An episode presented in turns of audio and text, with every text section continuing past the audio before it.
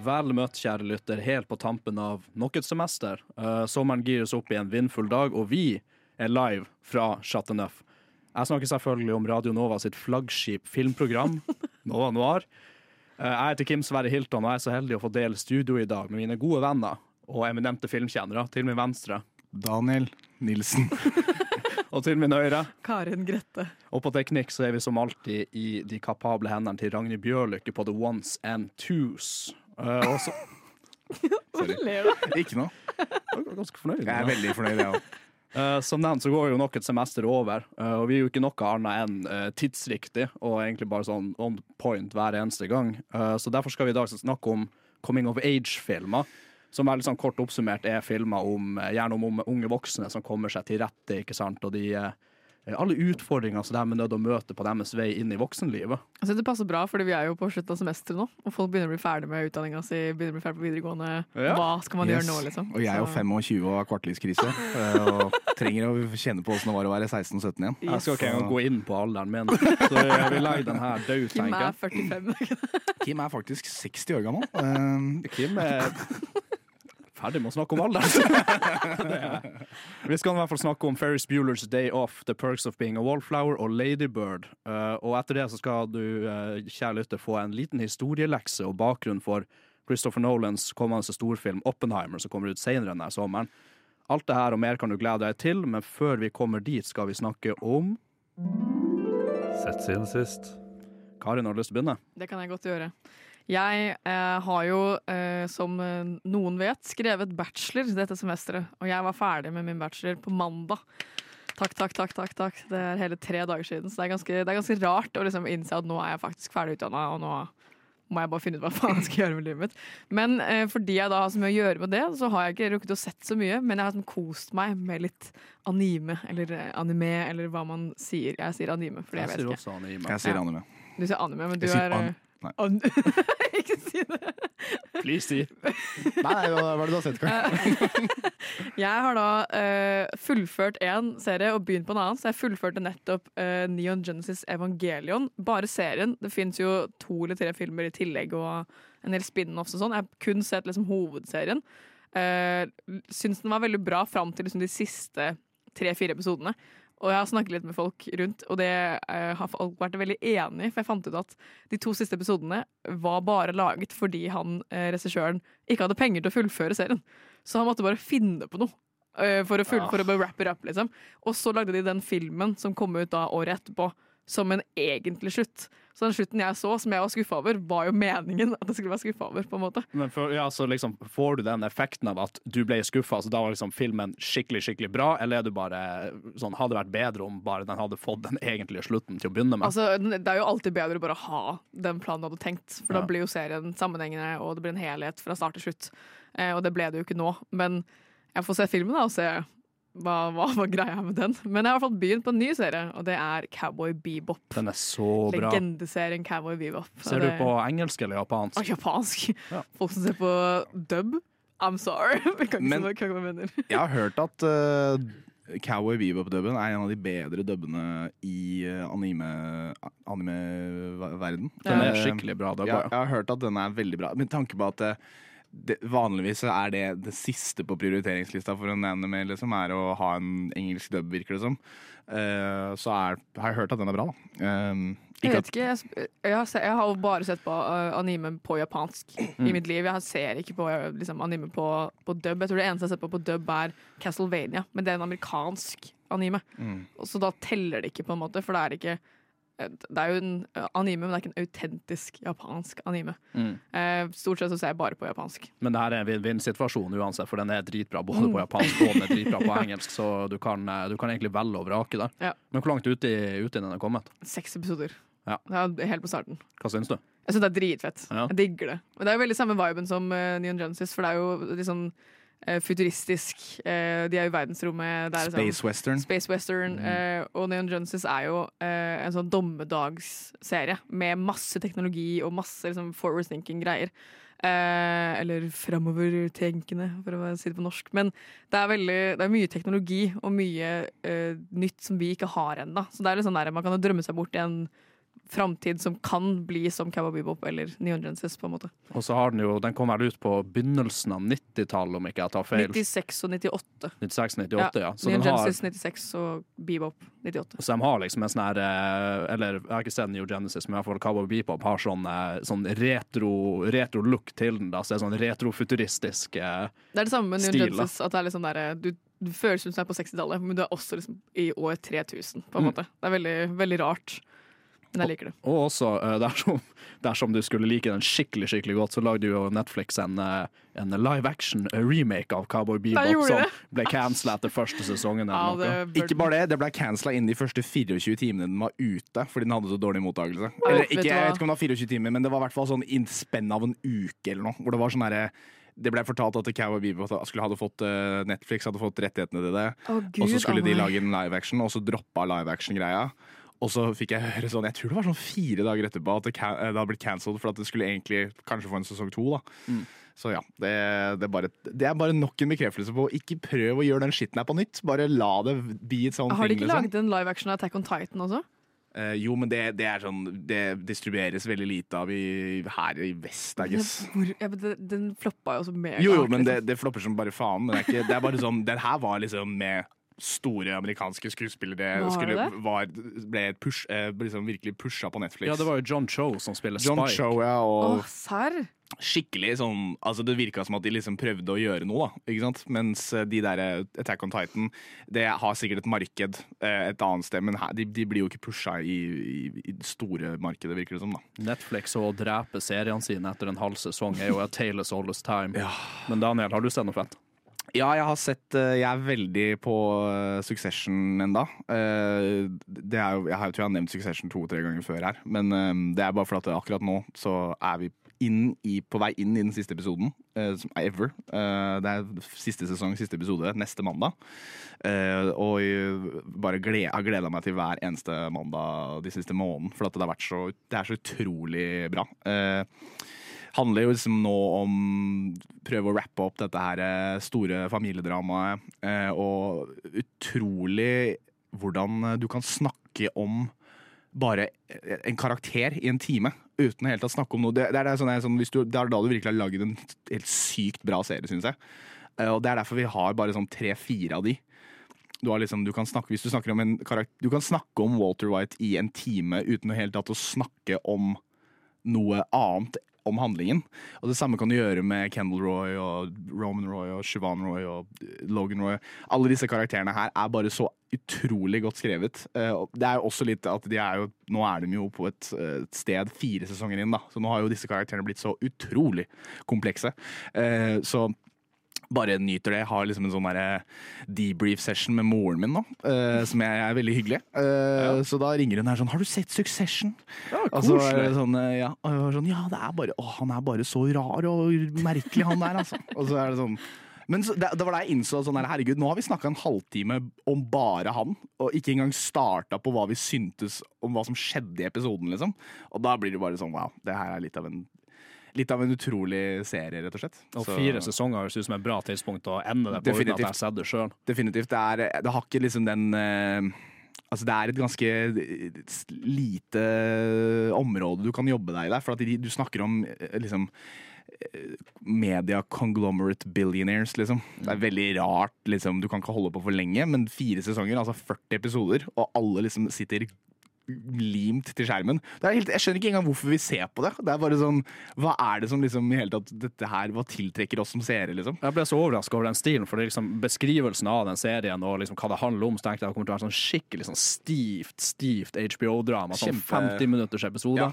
Uh, men så, så satt jeg på et fly, Flex, eh, for, for, et par, for, for et par uker siden. Og da satt jeg liksom bare og spionerte på hva den som satt foran meg på flyet, så på. Og det var jo Succession. Ja. Liksom. Så jeg så sånn en og en halv episode uten noe lyd. Liksom. Jeg bare så teksten. Det er så gøy! Og de har jo sånn, sånn eh, nesten sånn eh, Kan man kalle det sånn mockumentary, documentary-stil, hvor liksom kameraet rister litt, og så var de liksom kjappe i replikker. Og det virka Altså, det er jo sikkert heavy drama, men det virker mye mer sånn løsrevent og mer casual enn jeg trodde det kom til å være. Det er nok det mest ehm, kontrollerte kaoset jeg har sett på, på, på TV, liksom. Hvor det er sånn her, du, du blir sånn Dette her høres liksom improvisert ut, men så er det sånn Nei, ass, det var skrevet sånn til punkt og prikke, liksom. Og du blir bare sånn Hva? Hvordan har de funnet på dette her? Altså blir det sånn her, Hvordan er det du lager ord som høres sånn her ut? Eller sånn det er bare en sånn lingo. da Det, liksom, nå, altså, det, har jo så, det har jo blitt så parodiert nå, den måten Succession er på. Det er sånn sykt kul eh, soundtrack av Nicolas Britell, som har laget Moonlight-soundtracket, for eksempel, og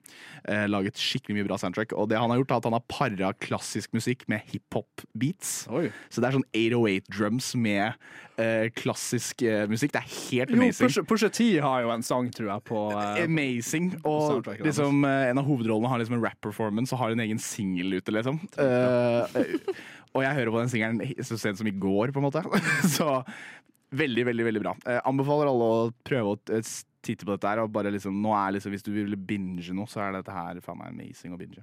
Jeg har egentlig også en anbefaling. Jeg har, jeg har ikke sett så veldig mye sist, men jeg har sett mye på um, uh, Star Wars The Clone Wars, den animerte serien. ja, ja. Som uh, uh, historien finner sted mellom episode to og episode tre, og handler jo om det, titulære Clone Waren. da. Uh, og den er litt sånn, hva skal jeg si, jeg tror det er mange som ser litt forbi den, fordi den ser litt ut som en barneserie. Den er på en måte animert, og den gikk på sånn Disney XD, eller hva det heter, eller noe. Uh, men den er ikke noe særlig mer barnslig eller mindre voksen enn på en måte Star Wars-filmene er. da. Definitivt. Jeg har, jeg har hørt at eh, Jeg har sett på sesong én. Men jeg har hørt at du må liksom gjennom litt sånn trenches av sesong én og to Ja. eh, for å liksom bevege deg inn i det som liksom virkelig blir liksom litt mer mature, eh, modne saker. da Ja, for det, jeg føler en sånn viewing guide Det var en sånn dude på Imgur eller noe så- som som lagde en sånn The Clone Imgur. Wars uh, filler-free viewing guide, liksom. Å, det er gøy. Og det er jo det, det er kanskje det som er det største minus med serien for meg, i hvert fall. Men det er jo pluss hvis du liker den skikkelig, og du på en måte liker sånne episoder, at det er mye sånn ja, filler-episoder. Uh, nesten halve sesongen vil på en måte være ikke så mye fete ting om kanskje Riktig. som har så mye å si for de karakterene du bryr deg om. Eh, men hvis du liker det, så bare se det. Hvis ikke, slå opp den Imgur-guiden og se deg forbi det. Og det som er så bra med den, hvis du er sånn Star Wars-fan, er at den, den gir så mye mer kontekst til liksom Jedien sitt, sitt fall, og Ja. til hvorfor Anakin blir ond. ikke sant? Det skjer jo litt sånn, eller kan føles som at det skjer liksom brått i episode tre. Plutselig så switcher han bare og fremstår liksom som en sånn dritunge, men det gir så mye mer mening når du ser denne serien. da. Det er veldig artig med det der, Fordi jeg husker jo veldig godt at eh, altså, Du kan jo si at episode to av Star Wars ender jo i at Clone Wars starter. Og så kommer eh, sesong eh, Nei, episode tre, og så liksom har liksom Klonekrigen er i gang, men det har vært veldig mye vi ikke har hørt om, egentlig. Og de liksom Anakin og Obi-Wan er bare sånn Yeah, you know, uh, don't make me save you like that last time on Geonosis. Og så er det bare sånn Hey, that was, that was not fair. Og det er sånn Hva er disse inside jokesene jeg ikke skjønner meg noe på? Liksom. Obskure callbacks. Og så er det sånn, ja, men her er ni sesonger med TV de gjorde før helt alt shit begynte, liksom. Men jeg har hørt at det, det rapper opp på en helt fantastisk måte, så jeg har alltid lyst til å ta en titt på det. Altså. Ja, jeg gleder meg veldig. Jeg er vel på sesong seks nå, tror jeg, og sesong syv er jo den siste, da. Så jeg har hørt akkurat det samme og ser veldig, veldig fram til det. Eh, Så da har vi en anbefaling egentlig fra oss, da. Det har vi sett siden sist. Litt animert og litt ikke animert. Eh, Vi skal ta og trykke videre når vi kommer tilbake med filmnyheter. Filmnyheter. Alt som vi lager nå, er remakes eller liksom samme historier om igjen. Om det har skjedd eh, en stor eh, skandale. Film. Film. Film. Film. Film. Film. Film, film, film, film, film, film, film, film, film, film, film. Film, film, film, film, filmnyheter. Veldig nytt. Filmnyheter. Du har sikkert gjetta deg til at det er filmnyheter vi skal snakke om nå, kjære lytter. Uh, og vi skal uh, vende blikket vårt uh, til sydlige Frankrike. Oi, oi, For å snakke om filmfestivalen i Cannes, som har funnet sted veldig veldig nylig.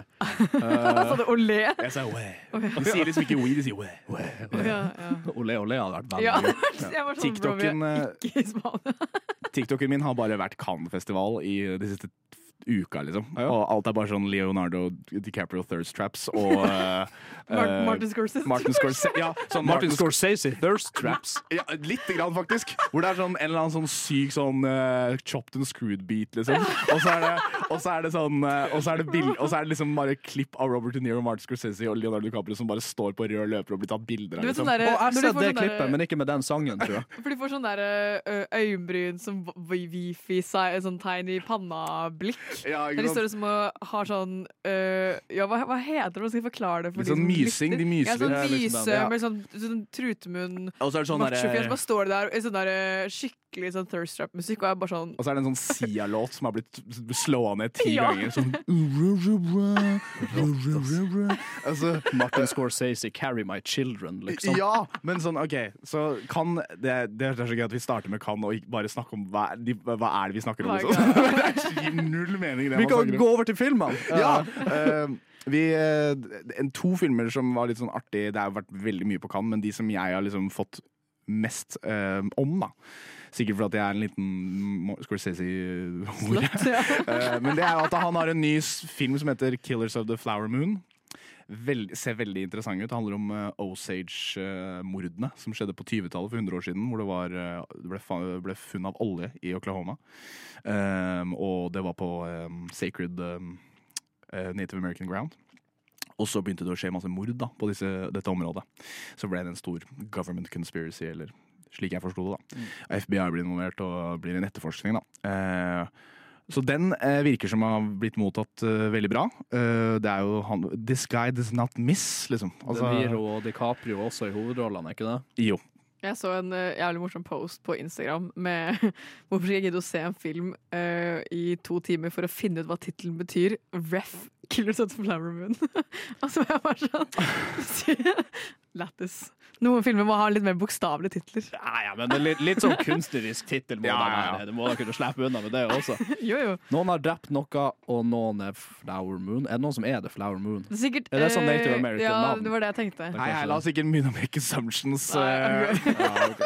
Vi hvite nordmenn skal sitte her og make Flower assumptions. Moon, det må jo være noe sånn derre Vi venter, vi venter med den, ja.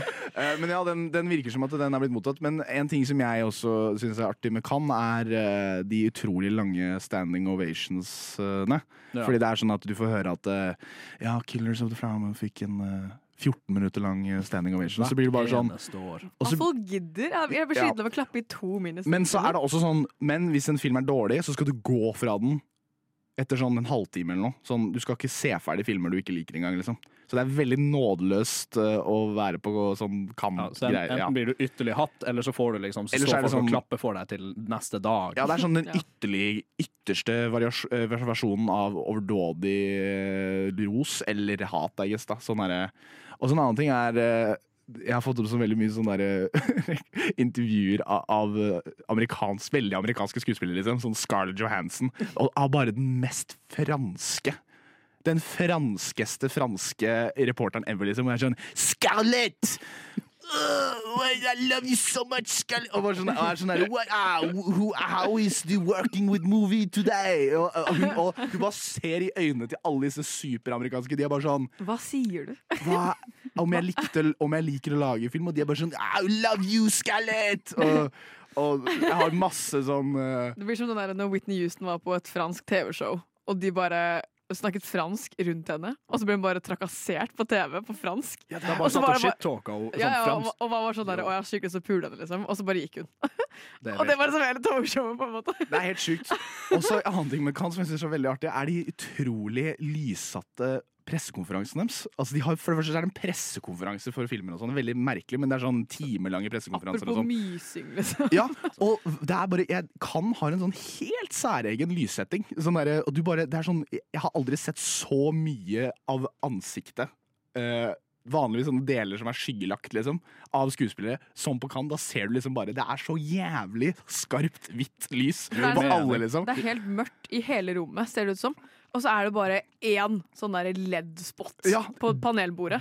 Og så er det bare helt svart bak dem, men de har ikke en eneste skygge i ansiktet Det er nesten som en sånn religiøs sak. Men kan, kan er den filmfestivalen, føler jeg. Den der skikkelig skikkelig lillefingeren er langt opp i været, og vi forguder de her motherfuckerne Ja. her. Så Ja. klapper frem i 14 minutter. Og så har liksom. den jo mye vekt bak seg. Altså den, den, har så, den har så mye historie. Da, ikke sant? Det er sånn, den er mer respektert enn, de, enn mange, men samtidig så er det, er det veldig sånn stort Det er jo et stort tema om jeg kan egentlig jeg kan litt sellouts. Ikke sant? Er, det litt, er det egentlig litt sånn bullshit? Fordi det begynner å liksom gå inn i en sånn derre Det føles ut som at det begynner å gå inn i en slags betalt fil, da. Men det du vet, Det er veldig vanskelig å si hva det er, og hva som ikke er det i dag. på en måte Men uh, ja. Så uh, Indiana Jones også hadde, fikk jo en tolv minutters standing ovation. Ja, og Men- eh, ikke certified fresh på Ikke Rotten si Tomatoes det! Engang. Ja, det vet. må være det! Jeg vet det. Det svir som faen, for i den forrige Indiana Jones-filmen, den der Kingdom of the Crystal Skullen, og den sugde jo kuk. Det er greit. Den, den var ikke bra, men Harrison Ford er 80 år gammel og spiller Indiana Jones enda. Bare av det så skal jeg dra og se den filmen, og, og jeg vet at jeg kommer til å begynne å grine.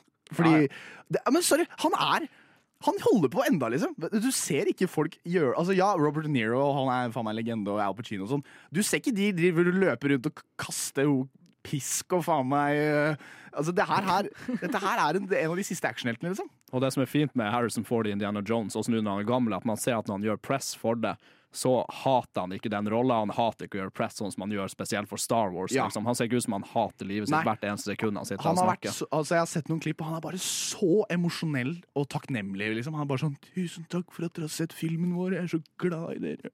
og, så, og det blir bare sånn Jesus! Han er grandpa. Ja, han er skikkelig grandpa, men uh, altså, ja. Så Som papa-vibe. kan er i hvert fall alltid en, tid på året. Ja. Kan det, er en tid på året. men det viser jo også at det er noen filmer som kanskje ikke burde vært på Cannes, sånn som Indiana Jones. Liksom. Hvis det er sånn at man skal få sånn super early reviews via Cannes, og, der, og du, du Ja. ikke helt vet om den filmen her kommer til å få bra reviews, liksom, kanskje dropp det. For jeg Ja. tror det kommer til å farge mange folk sine, eh, sine, sine følelser når de kommer til å se den eller ikke. Det virker som at uh, 'Killers of the Flower Moon' er en, uh, en veldig kul film, uh, ut ifra det jeg har hørt. Uh, og Martin Scorsese bare er eh, nok en gang på en ting. Uh, på, en, på en ting. Hadde hatt en roll. ja, han er, han on a roll, liksom, så det blir gøy å få med seg den. Uh, men Kan er jo så veldig mye annet. Men uh, det er i hvert fall litt det som har vært sånn i vinden akkurat nå, syns jeg. Jeg kommer nok også til å se på Indiana Jones når den kommer ut. Jeg kommer til å sitte rett der med deg og grine selv om den Ja! suger. Spesielt hvis den, Den suger, ikke, egentlig. du vet ikke om den suger, Kim. Du vet ikke om den kommer til å suge. Jeg vet ikke. Har ikke peiling. Rotten Tomatoes er Jeg syns det, er litt- tvilsomt av og til. Det blir litt råtten. De er det. Mhm. Vi skal legge Kan bak oss, vi. Og så når vi kommer tilbake, så skal vi komme inn på eh, Coming of Age-sendinga vår. Så vi skal begynne egentlig bare med å definere litt sånn hva er det for noe. Liksom, er det en sjanger, er det et tema, er det et plottpunkt? Uh, og etter det da, så kommer vi til å rulle ut noen filmeksempler. My mama always said, Nova Noir was like a box of chocolates. You never know what you're gonna get. Det stemmer, det Nova Noir. Vi sitter fortsatt i studio. Det er Kim, det er Daniel, det er Karin og det er Ragnhild på teknikk. Og vi skal snakke om coming of age-filmer. Uh, en, en, jeg skulle ikke si en filmsjanger, jeg vet ikke helt om det er det, men det er jo noe som eh, gjerne vekker varme følelser og assosiasjoner blant folk. Karin, har du noen tanker om hva du vil si en coming of age-film er for noe? Jeg forbinder coming of age veldig med det å uh, enten uh, stort sett være ferdig på high school uh, eller videregående. I USA, egentlig. Og liksom den frykten av hva skal jeg gjøre videre, nå som alt det trygge jeg har opplevd, forsvinner. For i i USA, da Jeg baserer jo veldig mye av liksom, min oppfattelse av coming of age som en amerikansk greie. Så er det jo ofte at man flytter liksom landet, over landet da, for å gå på college eller universitetet. Og flytte vekk fra vennene sine, familien sin, den trygge, lille hjembyen du kommer fra. Og det er alltid en liten by. Du kommer aldri fra en liksom, storby. Og så skal du prøve å navigere deg i voksenlivet etter å ha hatt liksom, en veldig definerende ungdomstid. Det er det jeg tenker på. En veldig bra oppsummering, egentlig. Det er jo ikke en sjanger som per se, føler jeg. Eh, Daniel, du nevnte noe om at det er litt mer sånn, nesten som et sånn manus, eh, manusgrep man kan bruke. Ja, det, det kan være virkemidler i en, en coming, Det kan være coming of age virkemidler du kan bake inn i manus, på en måte. Som, vi sa, at det er Vi begynte jo liksom tulle litt i stad med å si sånn eh, Å, så Finne at andre filmer da også kan være coming age som du ikke ville sett på som coming age. Og det sier man jo litt på tull, på tull for det er ikke det det er. Altså, coming of age er ofte veldig sånn på kornet ofte. Men du kan ha elementer av coming of age i andre filmer. Du kan ha noen elementer av at det for eksempel det er snakk om oppvekst, familie, eh, definerende øyeblikk i ens liv, som da videreføres utover. Eh, du, altså det, er, det er coming of age, sikkert noen coming of age-virkemidler i Fast and Furious 10, det, eh, kanskje?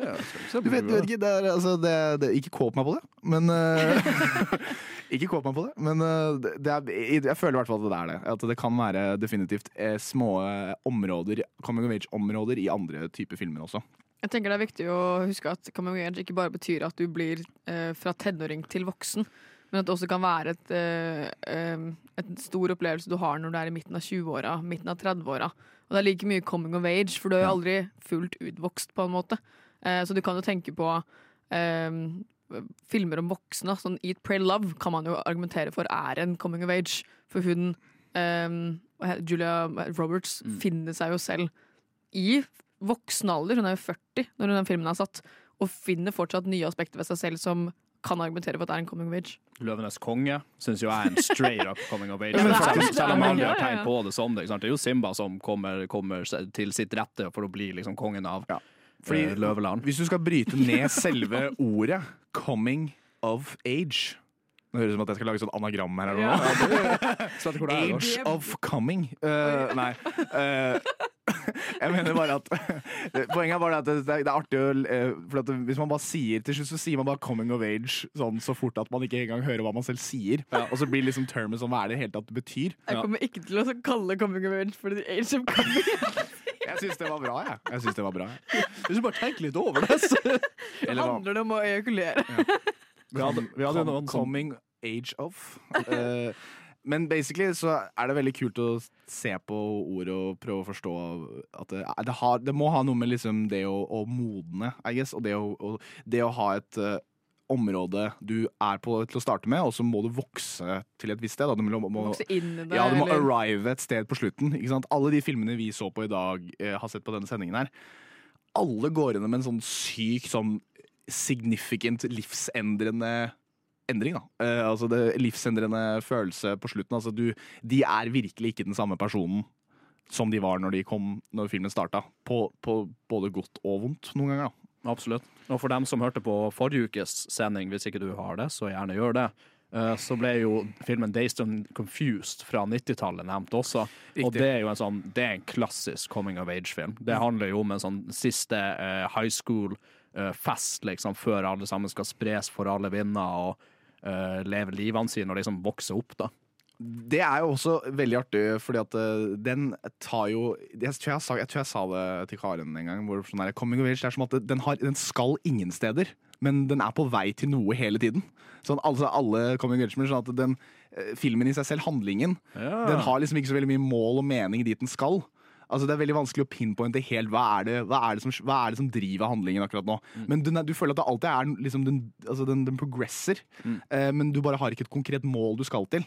Og så når filmen er ferdig, så er du sånn ah, det var, Målet var always there, på en måte. Eller sånn, Det er veldig vanskelig å sånn, forklare, men sånn, sånn som i Days and Confused, da, som vi ikke skal snakke så veldig mye om, men sånn, der er det sånn du, ser masse festscener, du ser masse veldig sånn virkelig sånn autentiske Det føles som en helt ekte dokumentarisk scene noen ganger. Og så noen ganger sånn veldig på, på kornet og tullete. Men så ser du at det er sånn Å men han her driver og dealer med noe greier. Å ja, men der dealer han, dealer han med det igjen. Og så ser du på slutten og sånn men Og så kommer han til en eller annen konklusjon med seg selv og hva han vil gjøre med lidere med livet sitt, for eksempel, da. En av hovedkarakterene. Og da, det har du ikke liksom visst før du har sett det, da. Eh, min mor sitter jo som eh, oftest og live-kommenterer når vi har sending.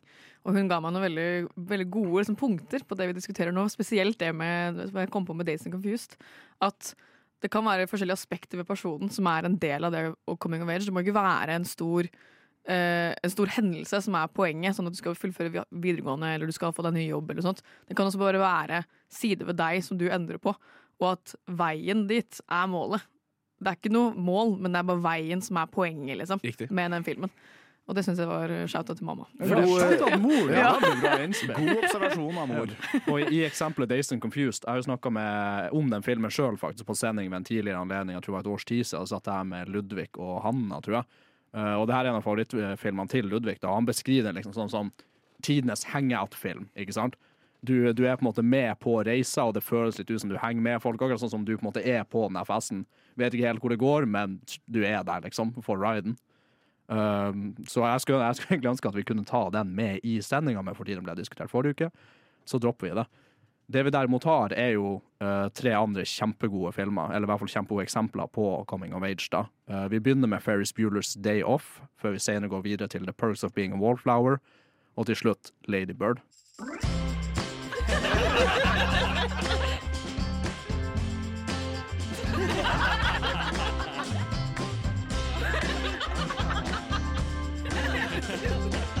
Du hører på Nova Noir hver torsdag 10-12.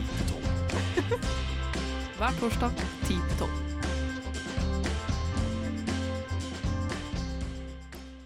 Yes, Første filmen vår ut i Coming of Age-sendinga er en god gammel klassiker, Ferris Bueller's Day Off eh, fra 1986. En kjapp oppsummering. Eh, Ferris Bueller er en skikkelig luring av en high schools eh, sisteårselev som bestemmer seg for å skulke en dag. da. Men siden han er i ferd med å sprenge fraværsgrensa, så er han nødt til å unngå både foreldrene sine og en veldig påståelig rektor, mens han tar med sin eh, kjæreste Sloan og bestekompisen Cameron eh, til Chicago bare for å nyte livet på fridagen sin. It's getting pretty tough coming up with new illnesses. it's a little childish, but then so is high school. Annie, you're not going to school like this. Call if you need us. They bought it. How could I possibly be expected to handle school on a day like this? Bueller, Cameron Dave, get dressed and come on over. Bueller, He has been absent nine times. Bueller. My father spent three years restoring this car. I guess that's my dad. Jeg er luring, han her. Absolutt. det her er første gang jeg så den. Jeg føler at det er en sånn film som jeg burde sett for første gang for 15 år siden, egentlig. Uh, men den var, den var veldig sjarmerende, og Ferris Bueller er jo uh, liksom ultrakarismatisk fyr. Liksom alle på skolen liker han. Uh, han. Han er skikkelig lur og utspekulert. Og når han da finner ut at han skal ta og skulke denne dagen, her, så går han jo above and beyond for å dra med seg kompisen Cameron, som er litt sånn nevrotisk, eh, nevrotisk type som er redd for foreldrene, og som eh, går rundt og tror at han er syk og sånne type ting. Drar han virkelig med seg for å gjøre greier, og de hopper i en fet jævla Ferrari. Eh, og prøve å plukke opp dama til Ferris Bueller da, fra skolen, liksom, bare for å gjøre, for å gjøre faenskap hele, hele dagen. egentlig de styrer med. Jeg hadde heller ikke sett den før, før jeg så den nå. Eh, Jeg hadde bare hørt om den og hatt lyst til å se den. Eh, Så jeg syns det var veldig kult å faktisk kunne få sett den. Men jeg er helt enig med deg, Kim, at jeg burde ha sett den da jeg var mye yngre enn det jeg er nå. For jeg, altså jeg er jo ferdig på videregående for lengst. Jeg, Jeg har ikke samme type liksom, behov for å utagere som han har, på en måte. Men jeg syns fortsatt det er en utrolig underholdende film. Og jeg skjønner jo at liksom, det er så gøy når han blir syk, og det sprer seg et rykte på hele skolen om at eh, han har blitt syk. Så det blir sånn derre Save Ferris. Støtt han her, gi oss penger, fordi alle bare digger han. Liksom. Og når, og når liksom mora er, dukker opp hos politiet senere i løpet av eh, filmen fordi uh, søstera har liksom ringt politiet for han er rektoren. Hun fant rektoren inn i huset deres og trodde at han var en innbruddstyv, som han var uansett. Eh, så er også politiet sånn yeah, give, us, give our best regards to Ferris. så de får bare sånne små tidbits fra hele byen. Alle har liksom fått med seg at Ferris mm. ligger for døden. Den grunnen til at han, eh, rektoren forresten er inne hos Ferris, er jo fordi han prøver å ta Ferris på fersken, for han har vært borte så mye fra skolen. Han, og så har han sett at Ferris har hacka seg inn på skolenettverket, eller eh, programmet, og redusert fraværsdagene sine til to dager og ikke ni dager. Så han rektoren bruker da hele filmen på å prøve å fucke Ferris og ta ham på fersken, og inkludert da å bryte seg inn hos hos Ferris for å prøve å se om han faktisk ligger i senga si syk eller ikke.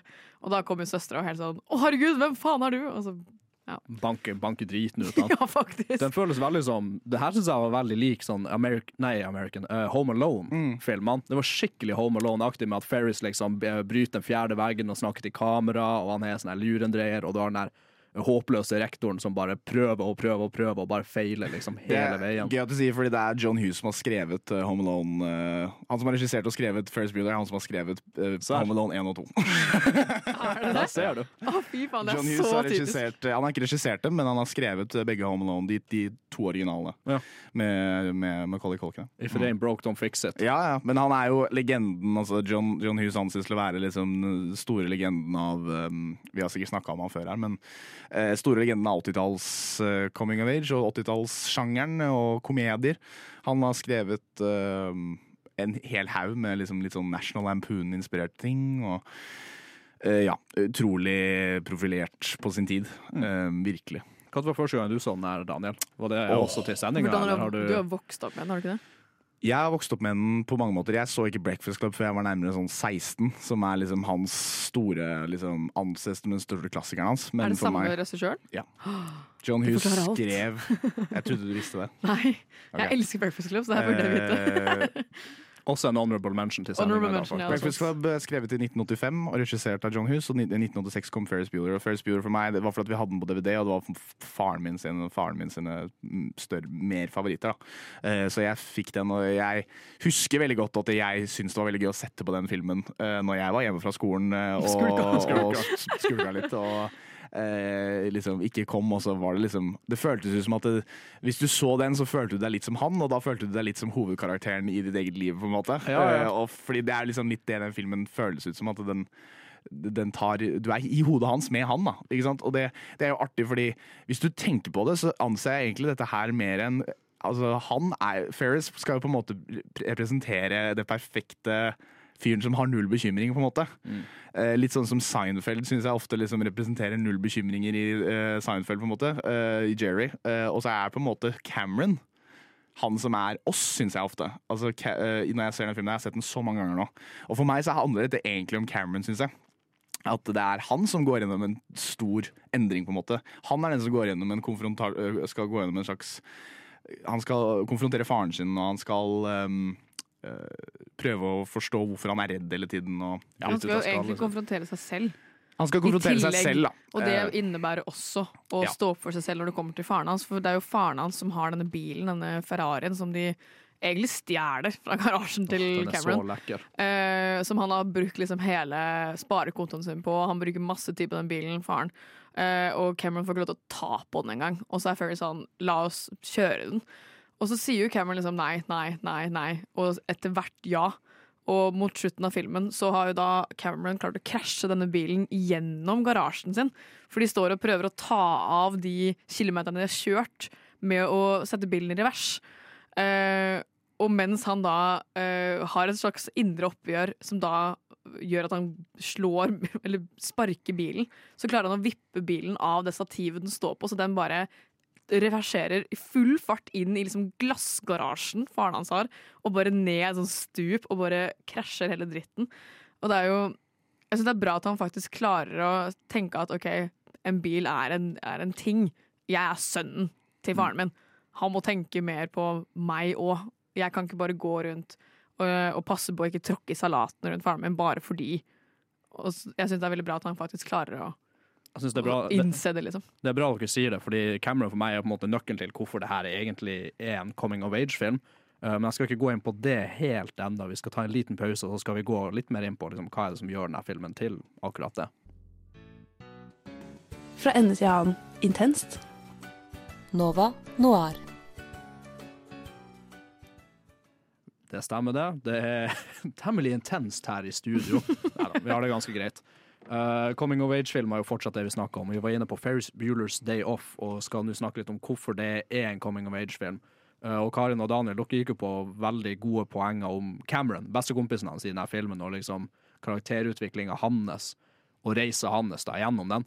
Uh, og for meg så virka det egentlig som at det er han som er nøkkelen til at det her er en coming of age-film, fordi han er jo egentlig den eneste som kommer of age. Uh, Ferris Bueller er jo på en måte en ferdigutvikla karakter, egentlig. Definitivt. Han er uh, på en måte Men han er også den uh, Han skal ha den derre go get it-attituden, ikke sant? Som på en måte kanskje mange skulle ønske de var, da. Så han i seg selv har jo denne personligheten som føles nærmest som superhuman noen ganger. Mm.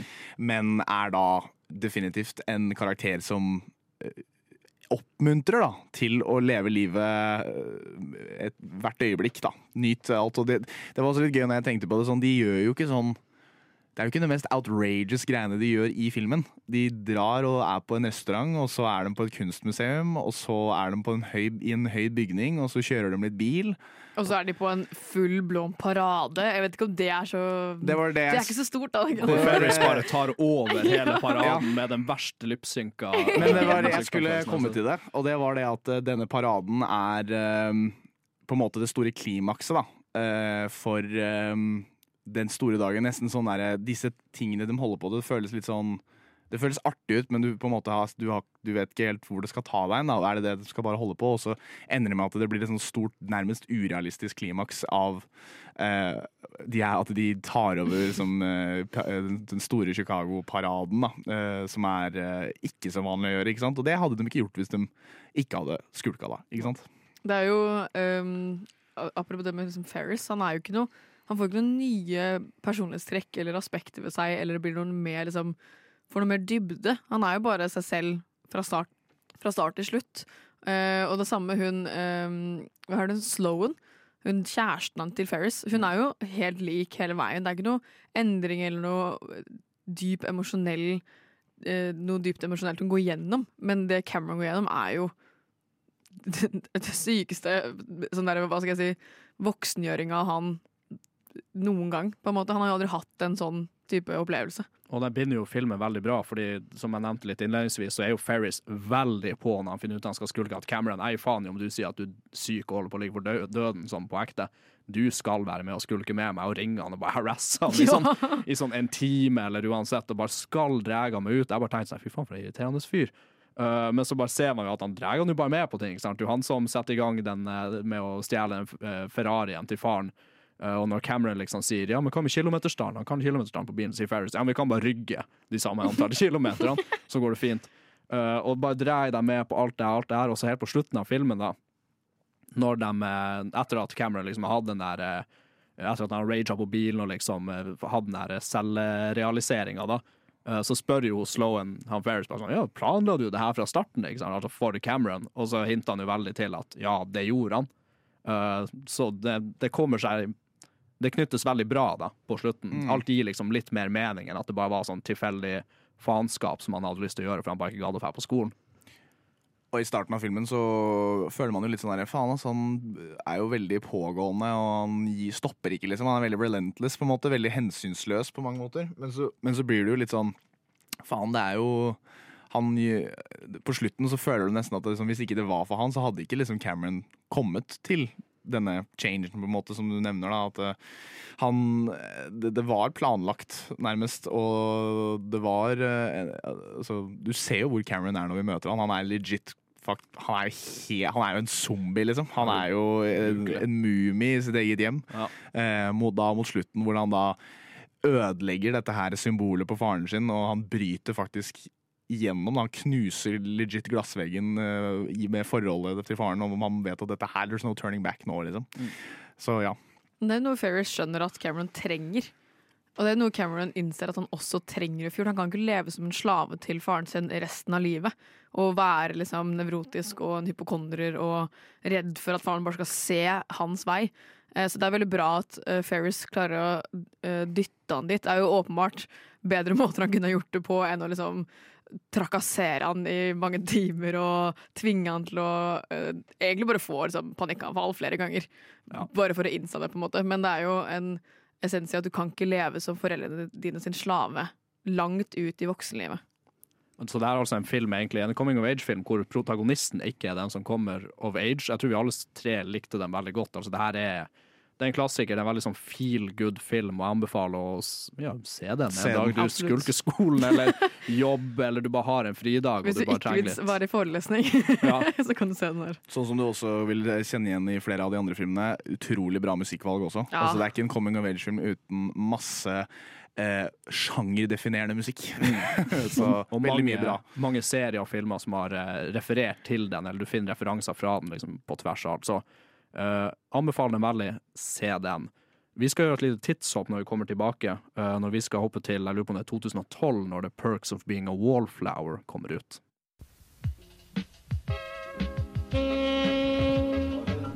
Alle tre, og så kommer Edmund og What the fuck? Har du sett Parasite? Ja. Har du sett Parasite? Du vet når hun gjør den der, den der Husker jeg Å, shit, shit. Nova Noir.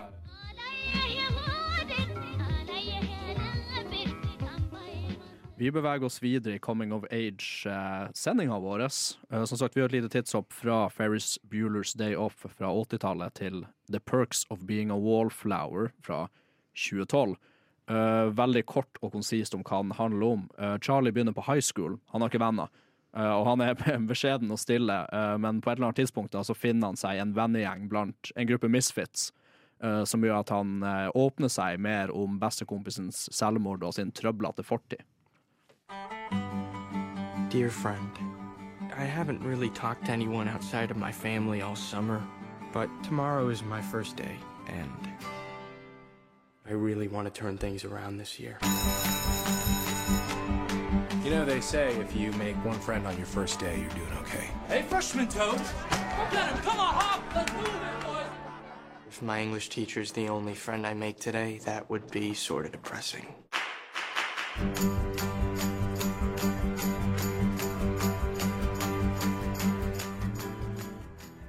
Der hørte du en liten trailer til The Perks of Being a Wallflower. eh, komplett med kassegitar og alt mulig, bare for å gi deg eh, Bare for å liksom bygge videre under på at det her er liksom en coming of I sin age-film. sanne indie uh, Ja. Absolutt. absolutt. Uh, den her filmen syns jeg var Jeg likte den. Jeg syns det var en fin film. Fantastisk film. Jeg hadde ikke sett den. Uh, det er jo en av disse filmene som eh, man hører om veldig mye. Uh, men jeg hadde nok eh, ikke Jeg visste nok ikke så mye om den eh, som jeg føler jeg kanskje burde ha. Den var, var jo egentlig litt i min målgruppe i 2012. Han tok, kan man, Mm. Som kan man tenke seg, da. Men for at jeg var jo litt Jeg var vel nesten like gammel som det han er i Han er 15. Ja, så da var jeg cirka Hvor gammel var jeg da? Var jeg 14. Så Spot on. spot on. Uh, veldig fin film. Veldig, veldig mer, jeg var mye mer involvert i den enn jeg trodde jeg skulle være. Og det er jo litt fordi at du, du virkelig spiller på lag med han Charlie hele veien. da Du vil jo bare, du vil bare at han skal vinne. Så faen, liksom. Du bare rooter for han gjennom hele Fra, fra første fem minuttene så blir du bare sånn OK, dette her er my guy, liksom. uh, så, og det her er Det som er kult med den her også, er jo at du, her er det ikke bare han som går gjennom endringer. Det er definitivt hele casten på mange måter.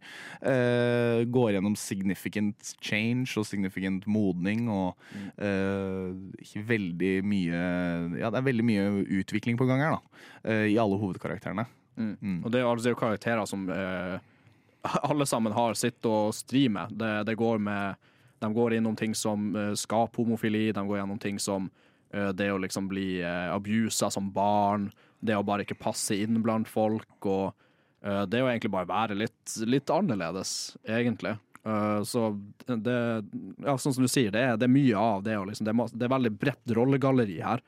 Eh, vi har jo Emma Watson som spiller uh, Sam, liksom. Og amerikaner. Ja, Ja, det tenkte jeg faktisk på. Det er dritrart. Som blir sånn love interesten til, uh, til Charlie, men som også har sitt å stri med fra fortida. Og så har vi broren hennes Patrick, som spilles av Esther Miller, i en rolle hvor jeg faktisk ikke hater han, for en gangs skyld.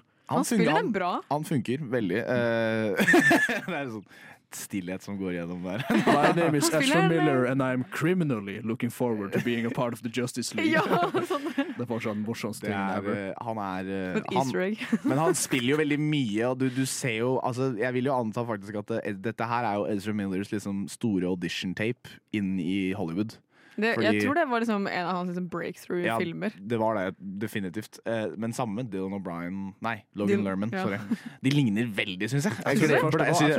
Jeg, blander de hele tida. Ikke de ligner, men jeg skjønner, hva dere, jeg skjønner liksom hvor dere kom fra. Men Men, du er jo kanskje forfatteren av young adult-sjangeren, Karin. Så Ja. det, vi, du, Det jeg skjønner jeg hvorfor som- du blander de. Det var jo jeg som øh, ville veldig gjerne ha denne filmen, øh, og det er av flere årsaker. Eh, for det første så er det jo en, den filmen folk tenker på når du tenker på Coming of Age. For den er bare så erketypisk Coming of Age, og det er ikke bare én karakter, det er alle som går gjennom en change.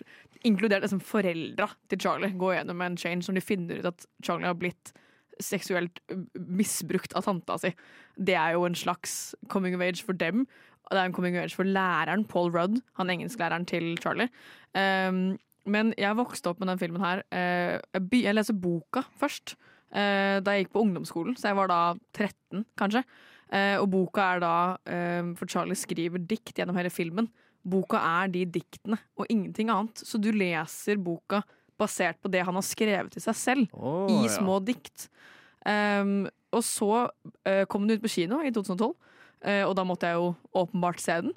Uh, og så ble den jo en sånn staple for Tumblr-kulturen, med det å liksom finne seg selv og sliter med forskjellige ting, ikke bare én ting. Og det er ikke bare én person som er i senter. Alle har sitt å stri med, og man skal respektere alle for det man har å stri med.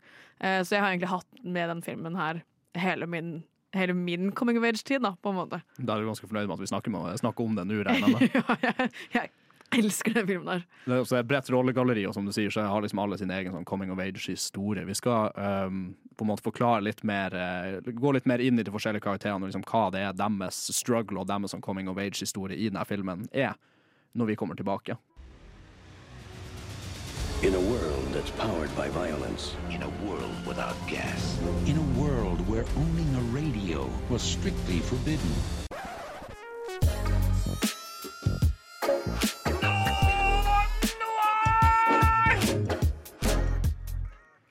Noir er på plass. Vi har kryssa uh, klokkeslaget 11. Vi holder på til 12.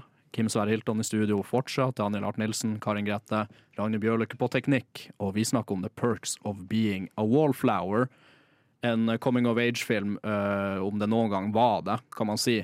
Uh, vi nevnte litt at det er masse forskjellige karakterer her som alle sammen har sin egen historie. Eh, Karin, du en favoritt-coming of age-historie blant karakterene her? Jeg må jo være litt uh, basic og si Charlie. Uh, og det er mest fordi han har jo slitt med så mye mer enn bare liksom én liten ting. Han begynner jo hele filmen med å si at han ikke har det så bra. Det går bedre, men det går ikke så bra. Han har ikke så mange venner. Han har bare snakket med familien sin hele, hele sommeren. Og har da slitt med, for det første, at bestekompisen hans tok livet av seg forrige sommer. eh, med å da eh, skyte seg selv i hodet. Eh, og da sliter mye med den eh, PTSD-en han har fått i ettertid, eh, og mye sånn hallusineringer rundt det.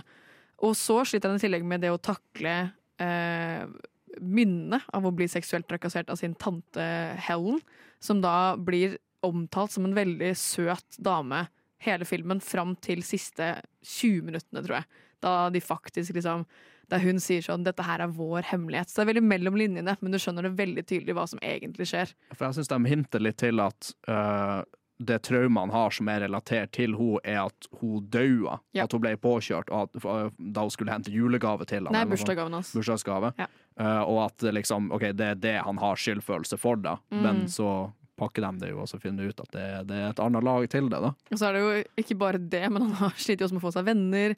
Han blir mobba på skolen, for han er, han er veldig skoleflink og veldig pliktoppfyllende. Gjør liksom leksene sine, gjør ekstralekser og blir mobba for det. Eh, og søstera hans dater eh, Ponytail Derek, eller da Derek Hestehalen, som da heller ikke er så sykt populært, på en måte. Som spiller Greg Hersh i Succession, by the way. Er det det? Eh, ja, Han spiller en av hovedrollene i Succession. Det er veldig gøy. Det er han som lager mixtapes til søstera Yes. til Charlie også, Yes. som hun bare gir videre til Charlie, og så går Charlie og bare hører rundt på Ja. mixtapesene. Så han har jo liksom ikke bare én eller to ting å stri med, han har jo masse bagasje. Og jeg tror grunnen til at han ikke har venner, er, for, er ikke fordi han ikke er liksom en likandes kar. Jeg bare tror han, han Sånn som Paul Rudd så bra sier, We accept the love we think we deserve. Og det er litt det Charlie sliter med, at han tør ikke å la andre folk hjelpe han å bære den bagasjen. Mm. Og han har jo også en sånn love interest i Emma Watson sin karakter, i Sam, uh, som også har en bagasje. da. Og det sitatet der til Paul Rudd i den filmen synes jeg appliserer veldig til henne også. Mm. Uh, og Charlie spør han jo med henne i tankene, da. Fordi hun har jo på en måte allerede erklært sin kjærlighet for Charlie, og han har erklært sin kjærlighet for henne, men allikevel så går hun for å være i lag med litt mer sånn hva skal jeg si, liksom the jock, på en måte. Ja, drittsekker Ja, som bare er utro mot henne, som ikke Ja. bryr seg, på en måte. Det syke med Charlie er jo at uh, når, du liksom, når hele filmen er ferdig, så innser du også bare sånn hvor egentlig hyggelig og fin fyr han er før han har venner òg, på en måte. Eller sånn, Det er veldig sånn tøft å se på en fyr slite sånn som han sliter i de første 15-20 minuttene, sånn virkelig sånn hvordan han er helt på egen hånd. Eh, men så, så, så syns jeg det er så innmari sånn tøft av ham at han drar fortsatt på den festen og prøver. ikke sant? Det er sånn, det er, han gir liksom ikke opp, da. Eh, og det er utrolig gøy å se. Eh, for, fordi det, du ser jo da når han da får denne her eh, denne gjengen på den festen eh, De skåler for han, ikke sant. Så blir du litt sånn der Wow, han blir første Norris nå, ikke sant. Og da blir du bare sånn Fy fader. Tørre å dra på den festen og bare stå der alene, knowing at det, det kommer til å suge, liksom. Sånn, det er jeg tror alle kjenner seg liksom noe igjen i det der. da, og liksom Den der første følelsen av å være helt, helt, helt, helt ny et sted. Og så måtte gå liksom inn i det og prøve. Det, var, det, er, veldig, det er også noe med Coming Years, at den, den, den treffer noe sånn langt inni alle. Jeg tror alle går, har gått gjennom noe som har skjedd i den filmen her. Sånn, om det er brudd, eller om det er sånn en misforståelse, og det er utfrysning, om det er mobbing, eller om det er eh, om det er eh, bekreftelse, eller om det er stress og angst. Det er, jeg tror veldig mye, det er veldig mye i den filmen her som slår deg fryktelig sånn i magen noen ganger. For at du bare, det, det, det ligger så langt inni alle, og alle har opplevd en slags versjon av det. For det skal Charlie ha. Han har baller. Han tør så jævlig å bare gå ut av komfortsonen sin på den festen. Og han kommer på den fotballkampen der han først blir kjent med eh, Nå glemte jeg helt hva Esther Miller sin karakter heter. Patrick. Patrick og Sam. Eh, og han tør å reise, eh, være med på den Rocky Horror Picture Show, så, eh, teaterprogrammet som den vennegjengen har. Han tør liksom bare å dukke opp, og det å gi dem til For de arrangerer en Secret Santa innad i den vennegjengen som Charlie blir en del av. Og han kjøper jo gaver i tillegg til Secret Santa. Og bare, han bare tør så sykt å bare være seg sjæl til tider. Og være sånn Jeg vet vi bare arrangerte eh, Secret Santa, men jeg hadde lyst til å gi dere flere gaver, så her, kos dere, liksom. Og han er, han er, han er så opptenksom og bare 100 seg selv. Selv om han ikke vil, så har han ingen andre å være enn seg selv, på en måte. Mm. Han er jo veldig, veldig sterk som hovedkarakter, og det her er jo i motsetning til den forrige, så er jo det her definitivt en film hvor protagonisten har en sterk coming of age-historie. Eh, jeg er egentlig helt enig i dere, alt det dere har sagt, jeg har ikke så veldig mye mer å tilføye. Eh, så jeg tenker vi runder av der med The Perks of Being a Wallflower. Høres også ut som en film som vi alle sammen likte, og som vi syns er et godt Yes. eksempel på en coming of age-film. Veldig positivt overrasket. Uh, ikke at jeg skulle liksom trodde at jeg skulle gå inn og ikke like den, men bare sånn jeg er veldig glad for at det, Eller den tok meg, tok meg off guard, da. Ja. Virkelig. Samme her, egentlig. Og da tenker jeg at toget kan rulle videre til den siste filmen som vi har på agendaen for i dag. Når vi har hørt på litt musikk, så kommer vi tilbake til Ladybird.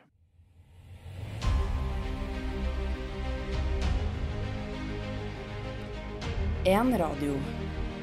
Ett program. En redaksjon. For filmelskere. Nova Noir. På radio Nova.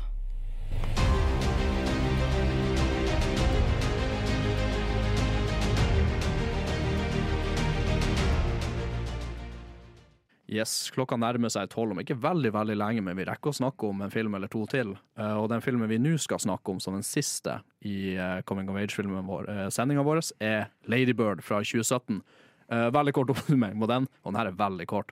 Christine Ladybird prøver å finne seg sjøl og komme seg til helvete ut av Sacramento. I hate California. I want to go to the East Coast. I want to go where culture is, like How New in the world York, did I raise such or at least snob? Connecticut or New Hampshire, where writers live in the woods. Get woods. into those schools anyway. Mom, You should just go to city college. You know, with your work ethic, just go to city college and then to jail and then back to city college and then maybe you'd learn to pull yourself up and not expect everybody to do everything. Ladybird, is that your given name? Yeah. Why is it in quotes? I gave it to myself. It's given to me by me. Ladybird always says that she lives on the wrong side of the tracks, but I always thought that that was like a metaphor. But there are actual train tracks. Ja. But there are actual train tracks. Ja, hun, eh, Ladybird jeg, kan, jeg kunne sagt litt mer om henne også, men hun kommer fra hva jeg si, hun kommer fra en familie som sliter økonomisk. da. Eh, litt sånn, de, de jobber hardt og de står på. Mora jobber som sykepleier og tar dobbel- og trippelskift. og Faren jobber som jeg vet ikke, programvareutvikler eller noe sånt. Han men, ble eh, arbeidsløs ganske fort i filmen. ja, og har liksom tydeligvis aldri blitt belønna eller lønna på den måten som han kanskje får, de hinter at han fortjener. Så de bor liksom på det som hun i hvert fall vil beskrive som den dårlige sida av byen, på the wrong side of the train tracks, og eh, i, eh, i et hus da, som hun liksom, og en bakgrunn som hun skjemmes litt over. da. Eh, og strever veldig med å komme seg ut av det. Hun er snart ferdig på high school, eller hun går på sånn katolsk high school. da. Eh, og drømmer seg egentlig bare om å komme seg bort hvor som helst, fortrinnsvis til East Coast, hvor hun kan eh, menge seg med kulturelle folk og liksom, liksom artsy folk i New York. Jeg føler at, Det her er jo Greta Gerwig som har regissert den, og jeg føler at øh, hun har jo basert det her mye på egen virkelighet. Det er jo ikke øh, tatt ut av hennes verden. Det er jo ting hun har opplevd, og så har hun funnet liksom essensen av den opplevelsen og dikta noe nytt. Men jeg vet ikke om dere har lest boka The Secret History.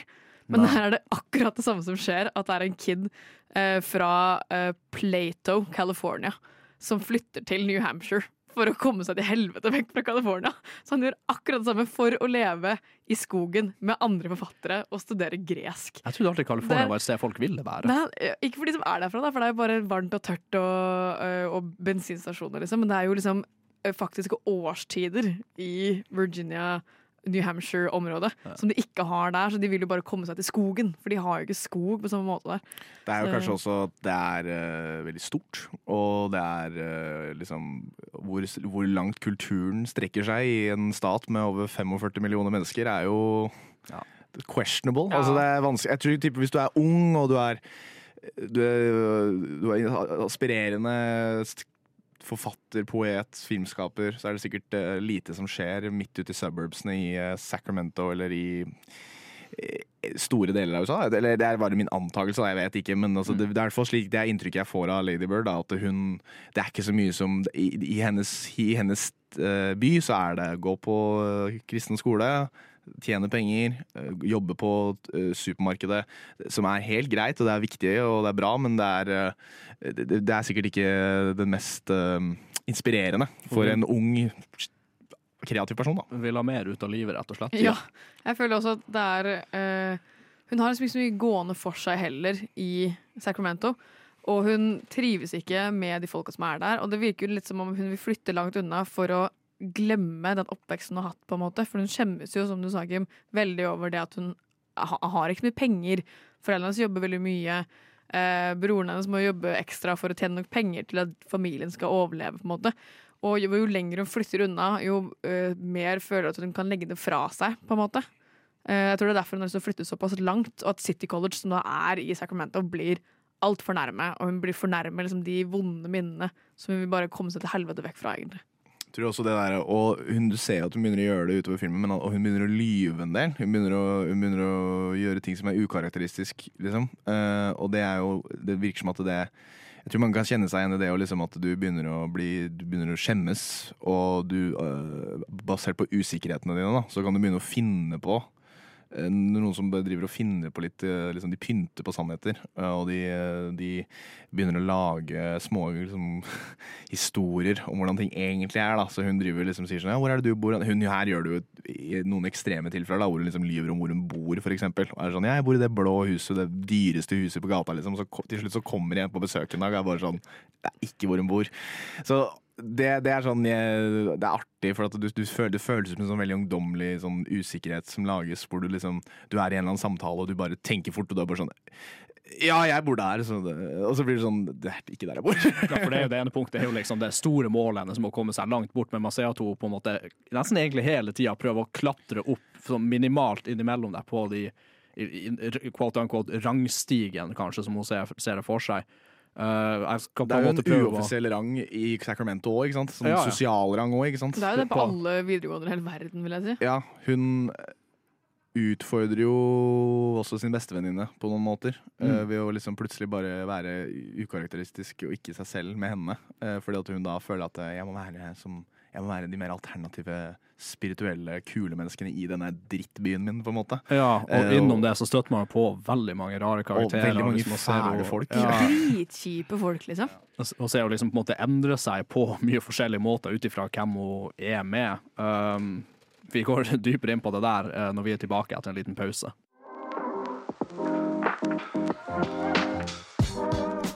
Nova Noir.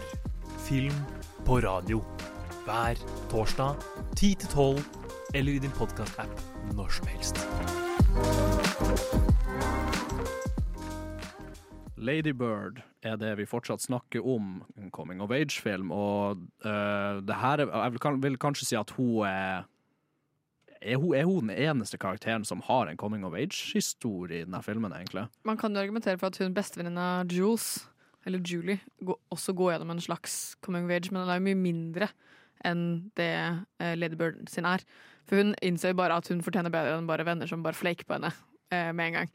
Men er, hun går fortsatt tilbake igjen til Lady Bird med en gang hun dukker opp på døra hennes, på en måte. Ja. Eh, men jeg vil jo ikke si at Lady Bird sin er den desidert største og mest betydningsfulle i den filmen her. For Lady Bird hun, hun ditcher jo bare Jules. Ja. Veldig kaldt i hennes, hennes søken etter å få seg kulere venner. Eller i hvert fall det hun tror er kulere venner. da. Eh, Og da blir hun venninne med Hvordan er det her? Eh, Hun blir venninne med liksom, den kule jenta i klassen, og via det så møter hun sin, eh, sin neste kjæreste, som er Timothy Chalamet. Timothy Chalamet. Som er, så Timothy Chalamet, han heter så mye som oh? Kyle. Kyle, Kyle, selvfølgelig. Fuckings Kyle. Han, er, han spiller så sykt Timothy Chalamet i den filmen der, liksom. Det er bare sånn, fordi det er, sånn, det er som at liksom han bare tok karakteren sin fra Call Me By Name og bare, so, bare spi, uh, fast Flippa forward den Vet jeg, andre motsetninger. Ja, eller bare flytta karakteren sin til en liten by i Sacramento, liten by i California, liksom. Og bare var sånn Det er så gøy. Det var den ene scenen hvor hun er bare sånn Yeah, I saw your band, you know, Le Fans New. Han bare sånn Le Fans New. Han er sånn, jeg bare sånn, Hold kjeften din, jævla drittunge. Eh, men han spiller veldig bra, da. Han gjør det. Jeg syns, jeg den karakteren er et så bra eksempel på også sånn, eh, hun som på en måte går over til noe som hun tror er kult. For, for han er liksom sånn, han spiller band, og han, ser, han er kjekk, og han ser liksom mystisk ut. Han leser bøker på bøker på fest ved, ved bassengkant og sigger. Ja. og Faren min har kreft. Ja, han er- så kul. Han har liksom- kommentarer på liksom hvordan Amerika, Amerika driver med krigføring i Og så microchipper i mobiler og sånn. Ja, alt mulig. Ja, og hva når hun liksom kom med sånn ne nellik Var det Nellik, Sigga hun hadde? Og hun var sånn Ja. 'Jeg ruller bare sigaretter mine sjøl, for det er glassfiber i det der', vet du. De Ja, ferdigrulla tingene. Staten vil at de skal puste. Så, Ja. ja, det, det tenker jeg også er en veldig kul ting i eh, Eller veldig viktig del i coming of age-sjangeren. Også er jo det at det er litt Litt erketyper er og der. Altså noen der du Altså, vi, vi så jo det i Du ser jo det i Ferris Bueller, på alle disse her high school-folka som sitter når han sier Bueller. Ja. Og så ser du alle disse der liksom folka, og de bare er sånn fy faen, dette er high school på sitt beste. Liksom. Det er bare så snørrete og en som sover. Og, det er viktig med litt sånn eh, litt klisjé-karakterer, da. Du må ankre historien litt i ting du kjenner deg i, Ja, igjen og, i. da og det, er, det er jo basert i virkeligheten. Dette. her. Det er ikke sånn at de sitter og finner på disse karakterene fra ingen steder. Det er helt ekte folk som var liksom Det var nerder, og det var sportsidioter, og det var eh, raringer, og det var eh, pene folk og litt ekle, pene, for sånn luk, illeluktende folk, eller vet du hva det er. Sånn- Mye BO. mye BO, liksom. Og det er bare sånn, jeg tenker det er viktig å liksom Jeg føler det, jeg kjenner på det i Ladybird, liksom. Jeg kjenner på liksom den følelsen av Jeg lukter Ladybird, liksom. Jeg vet ikke. ikke henne, men jeg, jeg, jeg lukter filmen. Så jeg mener, jeg bare kjenner liksom Den stua er skikkelig rufsete. Den, eh, Ja, den lukter litt sånn de folka er veldig liksom tekstil. Ja, det er bare sånn, jeg vet ikke, du, coming of age, du skal, du skal lukte litt. Det er sånn, du, du må lukte coming of age lite grann. Du hørte det her først. Du hørte her først. Da er det litt sånn uh, et annet tema. Men uh, Daniel og jeg diskuterte det her i går, og det her er ikke for å liksom, tråkke dere på tærne. Og jeg sier ikke at dere ikke har skjønt filmen, og at dere ikke liksom, vet hva vi går gjennom, eller noe som helst. Men jeg vil argumentere for at den, av disse tre filmene vi har sett nå, så er den filmen her øh, Du kan egentlig kun forstå den ordentlig inn og ut 100% om du er jente.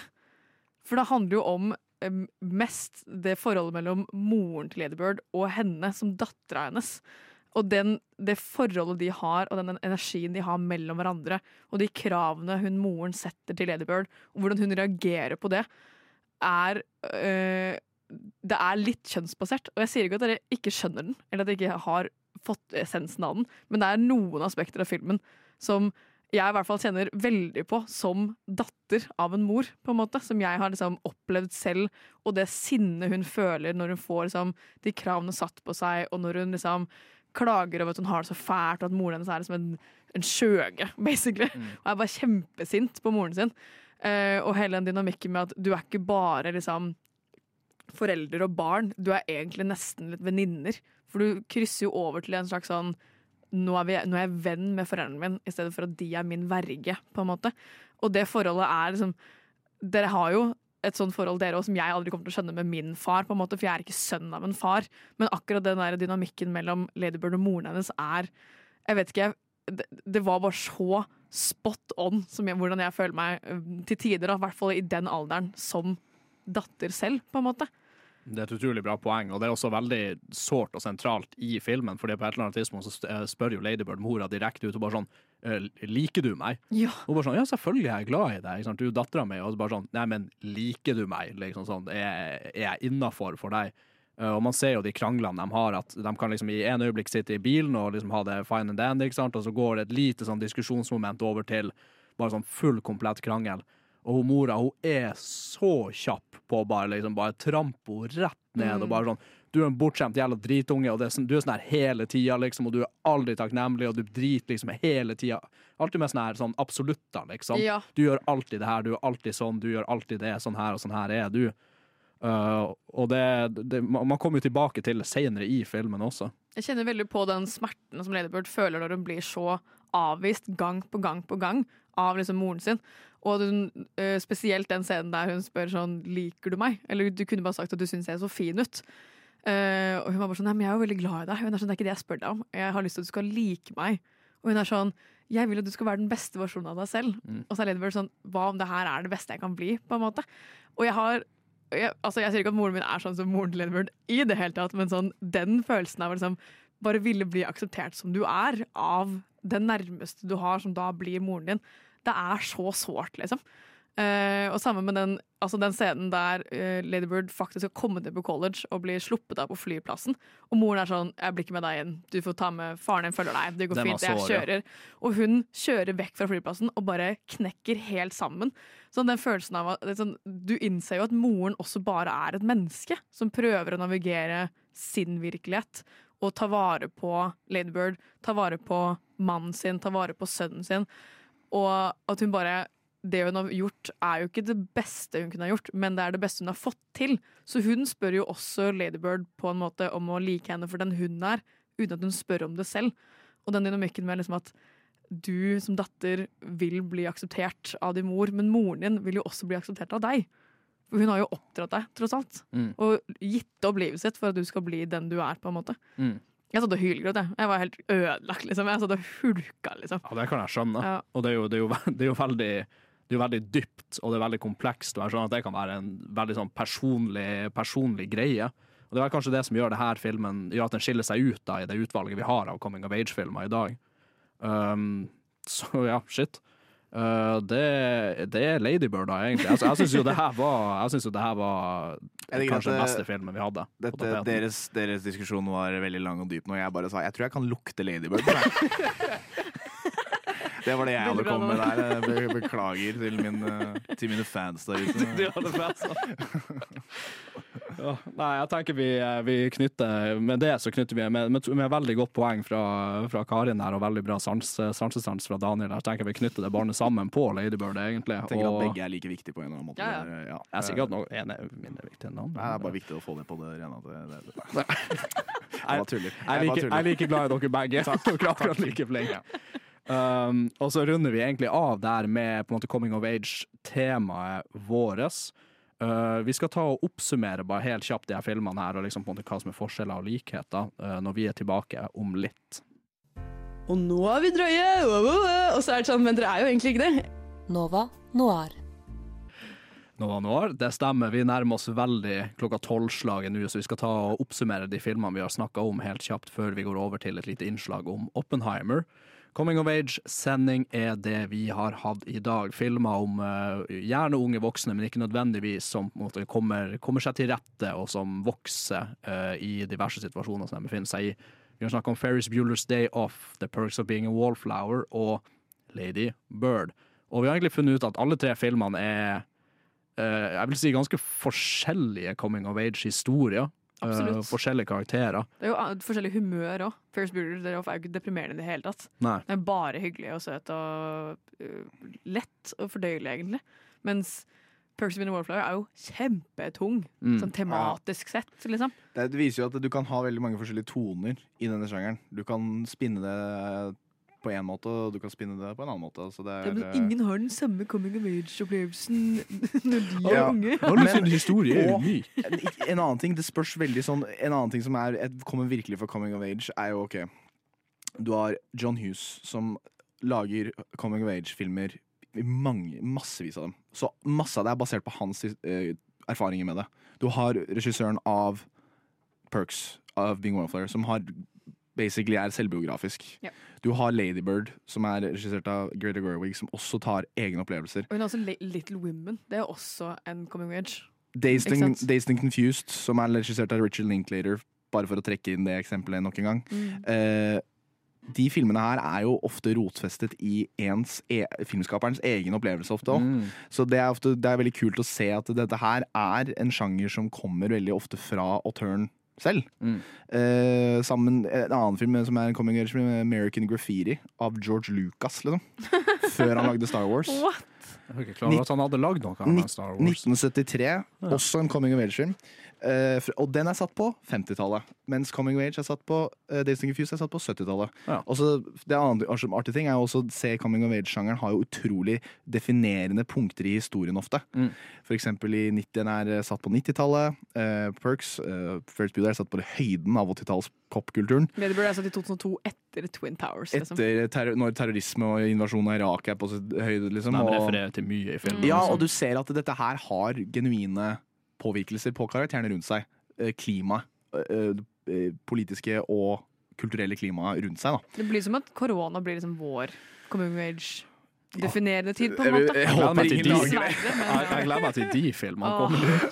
Uh, ja, så det, det er filmer egentlig som Vi snakka litt om forankring i liksom, stereotyper også, som man finner i de filmene. Så ja, det er mye personlig her som er uh, krydra av regissørene og dem som spiller i dem, og forskjellige historier, men samtidig så er det liksom Du finner stort sett alltid noe som du kan relatere deg nokså mye i. da Så det er skattkiste av en quote-unquote sjanger, vil jeg si, for både feel good og hvis man vil ha noe som man kan relatere til.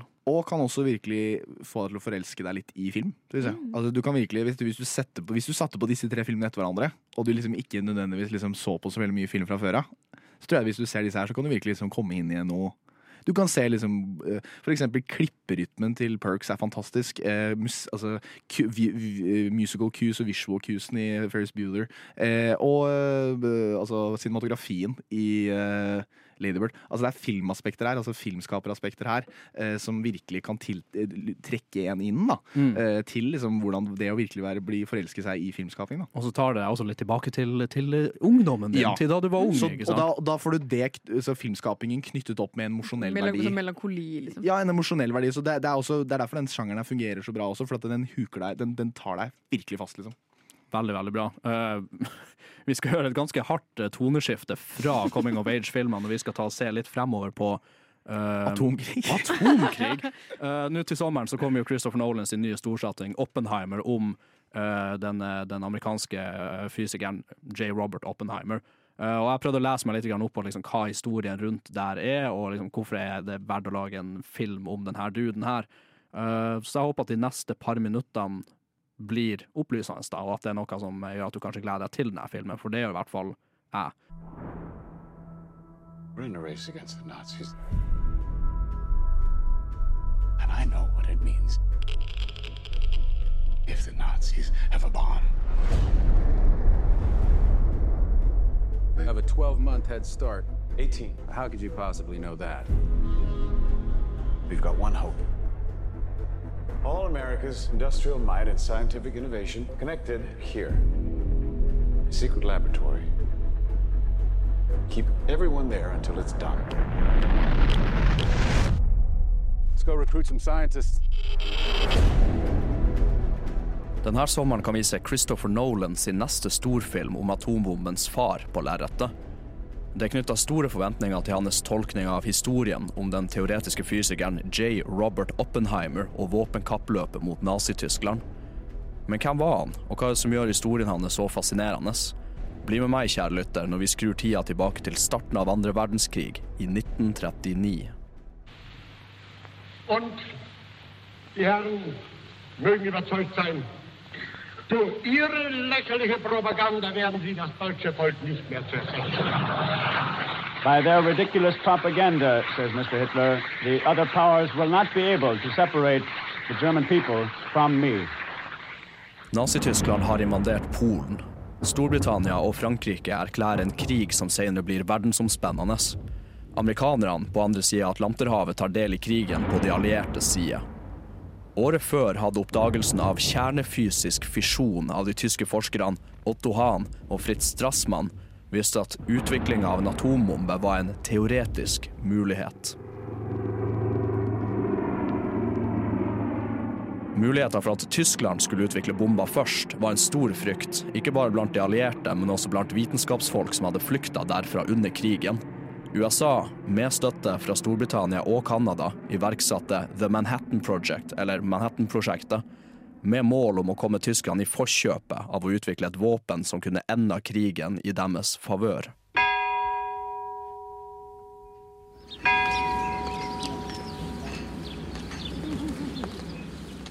Robert Oppenheimer blir rekruttert til å jobbe på Manhattan-prosjektet i 1942. I hans ungdom var han en høy, tynn kjederøyker og ble beskrevet av sine venner som en person med selvdestruktive tendenser. Som voksen var han en begava fysiker og lærer med stilling som professor ved University of California, Berkeley. Han leda utviklinga av atomvåpen ved laboratoriet i Los Alamos, New Mexico. Og i juli 1942 konkluderte hans gruppe av fysikere at en fisjonsbombe var en teoretisk mulighet. Gruppen jobba seg gjennom designkonseptet av hvordan et sånn her våpen kunne være forma, fungere og risikoene som var tilknytta. På et punkt spekulerte til og med gruppa i at det kunne være mulig at et slikt våpen kunne sette fyr på jordas atmosfære via en hypotetisk fusjonsreaksjon av nitrogennukleoider.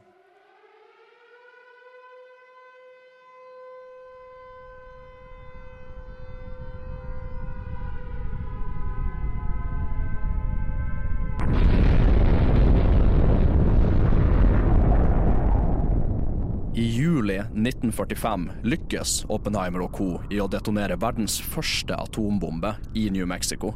Krigen var over i Europa etter Berlins fall og Hitlers selvmord et par måneder før, men aksemaktene holdt fortsatt stand i Stillehavet via Japan, som fortsatt førte krig mot de allierte. Etter at japanerne nekta å overgi seg, valgte amerikanerne å introdusere verden for resultatene av Oppenheimers utvikling. A short time ago, an dropped one bomb on Hiroshima and destroyed its usefulness to the enemy. That bomb has more power than 20,000 tons of TNT. To atombomber, en ved navn Little Boy og den andre ved navn Fat Man, ble sluppet over henholdsvis Hiroshima og Nagasaki. Det er estimert at 150 til litt over 200 000 mennesker ble drept under bombingene. The Japanese began the war from the air at Pearl Harbor. They have been repaid many-fold, and the end is not yet. With this bomb, we have now added a new and revolutionary increase in destruction.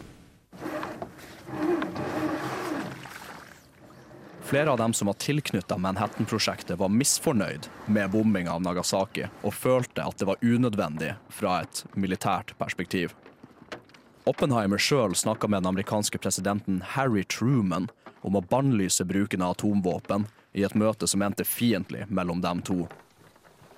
Oppenheimer levde resten av livet sitt med å undervise, holde forelesninger og taler og seiling med sin datter og kone, før han døde av halskreft i 1967.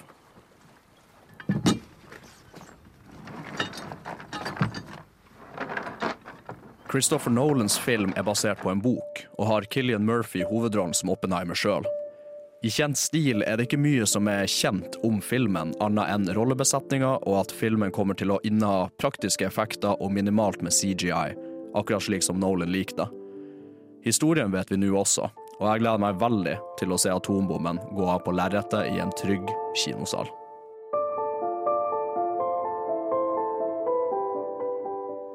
Du hørte en kjapp historie om den amerikanske fysikeren J. Robert Oppenheimer og Manhattan-prosjektet som filmatiseres av Christopher Nolan nå denne sommeren. Av Kim Sverre Hilton ved Nova Noir. Radio Nova.